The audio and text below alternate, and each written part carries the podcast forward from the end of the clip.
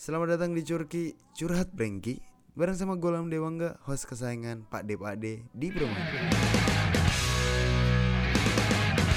Selamat datang di Curki Curhat Brengki Bareng sama Golam Dewangga Dan kali ini gue bakal ngelanjutin part 2 dari Yang kemarin. Hmm, hmm, hmm. Dan tadi malam gue baru dikirimin ceritanya sama orangnya nih.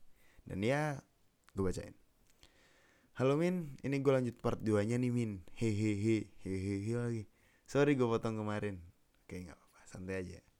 Oke Min, gini ceritanya. Setelah pengalaman gue kemarin Dan ber- setelah berbulan-bulan kemudian Gue baru kena karmanya nih Min. Kalau yang kemarin kan dia berharap untuk sta- ah, untuk ada status nih sama gue Dan sekarang gue yang kena friendzone nih. Anjing. Oke. Dan ini cerita kebetulan di hari itu gue lagi di kampus nih. Dan di posisi gue itu gue lagi di taman kampus dan gue ngeliat ada orang yang lagi foto-foto gitu mini di taman kampus. Dan kebetulan gue kenal fotografernya. Dan singkat cerita gue ngobrol-ngobrol nih min sama fotografernya. Dan intinya gue minta kenalan lah sama modelnya. Gitu oke. Model aja dan akhirnya gue dikenalin nih Min sama dia dan gue ngobrol-ngobrol sama modelnya. Dan karena kebetulan deket di di deket-deket itu gue ada proyekan lagi nih, proyekan film tentunya. Nah di situ gue ngajak model itu modus sih. Itu buat casting film proyekan gue modus banget ini. Dan ini untungnya dia mau ikut nih Min, asik. Modusnya lancar bos. Dan singkat cerita pas hari casting film itu ternyata dia nggak lolos nih Min. Ya sedih banget. Nah ya nama juga anak film nih Min ya. Gue gue bilangin ya Jadi talent project kan adalah jalan modusnya anak film nih Min. Oh berarti Buat anak-anak film nih Ini hal-hal biasa berarti jadiin uh, orang-orang model gitu-gitu Buat jadi talent film ya Buat modus. Oh gokil tapi bukan berarti nyalahgunain posisi ya. Oh jadi bukan berarti jadi bukan berarti nyalahgunain posisi ya. Cuman sebagai jalan masuknya aja gitu. Oh paham paham paham. Oke lanjut. Dan setelah berjalannya waktu gue kenal dia dan akhirnya gue nyaman nih min sama dia. Asik. Basi banget. Ya gimana ya min? Dia udah keren tinggi. Ya tipe gue banget lah. Asik. Dan prosesnya sama kayak gitu lah min. Kita jalan berdua intens berdua kita saling kenal satu sama lain dan cerita-cerita tentang masa lalu. Dan ya deep talk lah. Dan sering berjalan waktu dia oh dan sering berjalan waktu karena tempat tinggal dia dan sama apartemen gue kebetulan deket nih min. Sombong banget lu pakai apartemen oke. Satu saat tiba-tiba dia suka main ke apart gue nih min. Tempat gue aja sih kenapa harus apart? Oke tapi oke terserah lu mau sombong atau gimana ya. Di Jogja ada apartemen oke. Dan di suatu malam pas dia lagi main ke apartemen gue oh udah sering berarti nih. Dia nanya nih min sama gue ada cas HP nggak? Terus gue bilang ada nih min. Tapi casannya di dalam kamar. Nah, nah pas dia ngecas itu Tiba-tiba dia ketiduran nih min di kasur gue Payo Ngapain nih? Dan karena gue gak tega buat bangunin dia di malam itu Akhirnya gue tidur di sebelahnya nih min. Asik. Di kasur juga tapi sekasur Dan pas pagi-pagi nih gue bangunin dia dan ngingetin dia buat kuliah. Oke. Okay. Dan ini jujur ya Min, kita nggak ngapa-ngapain di malam itu. Percaya, percaya aja. Oke lanjut Min. Dan setelah gue bangunin dia buat kuliah, eh dianya malah nggak mau ke kampus malahan. Padahal di hari itu dia pada ada acara kampus dan dia milih, oh dan dia malah milih di apart gue dan dia malah nonaktifin HP-nya jadi ya stay aja gitu di kamar gue dan akhirnya di pagi sampai siang itu kita berdua aja nih ngobrol-ngobrol berdua. Ya cerita-cerita lah. Deep talk aja gitu. Kalau bahasa jakselnya pillow talk ya asik.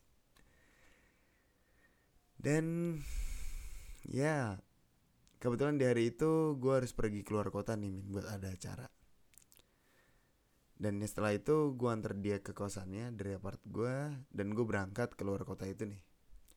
Dan kebetulan jarak gue keluar kota itu ya paling cuma satu jaman lah min. Ya oke. Okay. dan singkat cerita acara gue udah kelar. Dan gue balik lagi lah ke Jogja. Dan oh kira-kira gue nyampe Jogja itu jam 2 malam nih min dan pas itu gue baru sampai apart gue dan dia tiba-tiba ngechat gue dan dia bilang mau nginep di apart gue lagi nih min ya gimana ya kalau misalnya oke okay. nggak ada capek-capeknya ya orang ini oke okay. ya ketika dia bilang kayak gitu gue langsung jawab ya boleh lah min gila nggak ada nolak-nolaknya gila oke okay. dan di malam itu gue baru beraniin tuh min beraniin apa oh ada lanjut. Insting cowok lah min. Ya masa ya nggak tahu kalau misalnya tidur bareng gak ngapa-ngapain. Oh oke. Okay. main catur mungkin nih. Mungkin. Positive thinking ya. Ha mana lagi nih? Gue bingung. Sorry gue lagi puasa makanya gue haus dan gue bingung ini yang mana. Ah sumpah bodoh banget oh ya dan akhirnya pas pagi itu dia nggak mau. Oh dan ketika habis tidur bareng itu pas pagi-pagi gue bangunin dia lagi nih min. Dan ternyata dia nggak mau kuliah lagi. Dan di pagi-pagi itu kita cerita-cerita lagi nih min. Itu baru seharian penuh gue sama dia di apartemen gue gila. Oke. Nggak bosan lah ya. Dan pas malam itu nih min gue mikir eh, dan pas udah malam sorry pas udah malam gue mikir nih min apa besok gue confess aja ya sama dia? Tentang perasaan gue tentunya. Dan di paginya pas kita bangun tidur posisi dia di atas lengan uh, di atas lengan gue dan dia ngadep muka gue min. Dan itu gue deg-degan sih min jujur. Oke. Okay. dan di pagi itu kita deep talk lagi nih min. Dan akhirnya gue nggak nembak dia nih min Cuman gue nanyain kejelasan kita bagaimana. Ya tentang hubungan kita lah kayak gimana. Dan ketika gue nanya hubungan kita berdua gimana, dan di situ yang tadinya kepala dia di atas lengan gue dan ngadep muka gue, maksudnya mukanya ya, pakai ngadep muka gue, dia langsung pindah posisi dan langsung balik badan nih min, gila. Dan lu tau min, dia bilang apa? Lu jangan berharap ya sama gue. Deep banget. Mampus lu. Mampus lu. Dan seketika gue hancur. Sumpah min, gue ngerasa sakit banget. Gue pikir dia nyaman banget sama gue dan gue pikir selama ini gue deket sama dia itu hal yang terbaik dalam hidup gue. Lebay.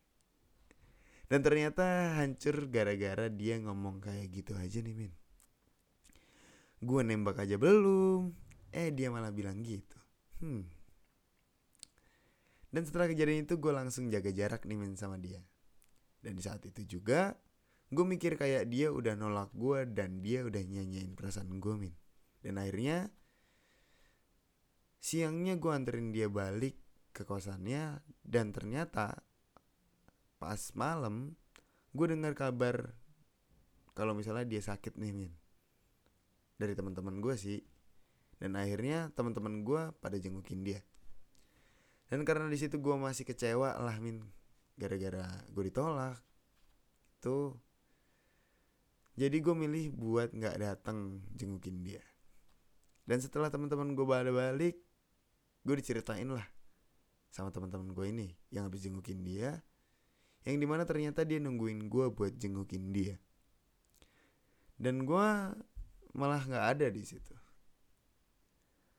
Dan di situ dia malah nyalain gue nih min.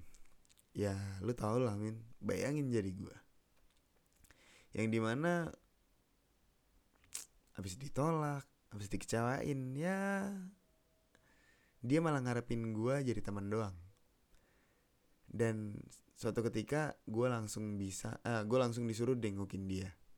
Ya shit banget lah min dan akhirnya semenjak itu gue jaga jarak lagi sama dia dan gak pernah kontakan lagi sama dia. Wah stop kontak nih. Dan setelah beberapa bulan gue beraniin diri nih min buat minta maaf sama dia dan ngobrol-ngobrol lagi sama dia dan kita jadi berteman.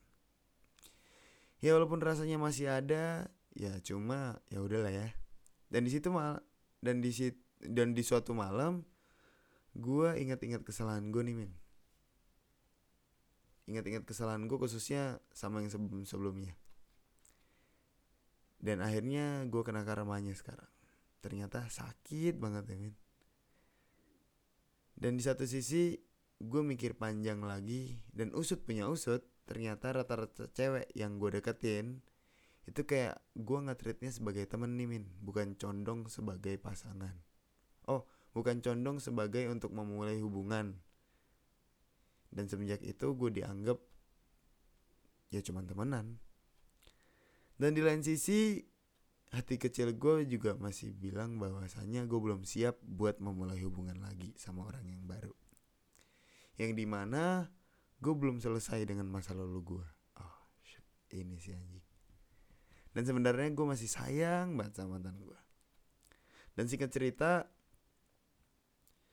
gue ketemu sama temen gue yang psikolog. Dan intinya gue bercerita nih tentang semuanya apa yang gue rasain. Dan lu tau min apa yang dibilang sama teman gue gue harus jujur tentang perasaan gue dan apa yang gue rasain ke mantan gue sekarang pokoknya jujur tentang semuanya pokoknya jujur tentang semuanya lah min. Dan akhirnya setelah dua tahun gue nggak pernah ngabarin mantan gue itu. Dan setelah pulang dari ketemu teman gue gue langsung nelpon nelpon mantan gue dan gue nggak basa-basi dan gue langsung jujur tentang perasaan gue sekarang. Gimana sama mantan gue jujur gue emang masih sayang sama dia tapi gue nggak mengharapkan untuk balikan sama dia. Ya cuman gue minta maaf aja tentang semua kesalahan gue di waktu pas sama dia. Dan gue minta doanya supaya mantan gue uh, minta doain sama mantan gue supaya gue bisa ngejalanin hubungan lagi sama orang lain. Dan lu tau min dia langsung nangis pas gue telepon dan bilang kayak gitu. Dan dia juga minta maaf sama gue karena dia gue belum oh karena dia gue belum bisa memulai hubungan dengan orang lain. Ya belum lupa lah. Dan akhirnya kita saling memaafkan nih min. Dan setelah kejadian itu gue jadi dapat pelajaran berharga yang di mana sebelum memulai hubungan dengan orang lain khususnya kita harus berdamai dengan masa lalu kita dulu nih. Dan kita harus perbaikin diri sebelum menjalin hubungan dengan orang lain pesan yang bisa gue sampein buat teman-teman Brengki ya intinya berdamai sama masa lalu dan benerin diri sendiri dulu baru lo mulai hubungan sama orang lain Hah, haus banget gue jujur dan ya oke. Okay. Sekian dari gue Min. Thank you ya udah dibacain. BTW Miminnya kapan nih punya pasangan? Canda Min. Sialan. Oke. Okay sorry banget kalau misalnya gue tadi ngebacanya kurang jelas atau kurang apa ya kurang fokus mungkin ya. Gue lagi nahan haus. Gila haus banget sumpah gue ngabung cuman oke okay. ya pesan yang bisa diambil ya itu bener tuh. Udah ada pesannya. Intinya berdamai sama berdamai sama masa lalu dan benerin diri dulu baru kenal sama orang lain. Ya semoga yang kirim cerita ini bisa ngejalin hubungan lagi ngejalin hubungan baru sama orang baru pastinya ya. Kayak gitu. Dan buat teman-teman Brengki sobat-sobat Brengki ya uh, jangan memulai dulu sebelum lu selesai dengan masa lalu. Oke? Okay? buat yang masih puasa semangat puasanya. Dan yang pengen curhat mungkin bisa ke Instagram gue at alam ariat atau ke Instagram Brengki Boy at Brengki Boy gitu aja. Terima kasih gue Alam Dewangga dan cabut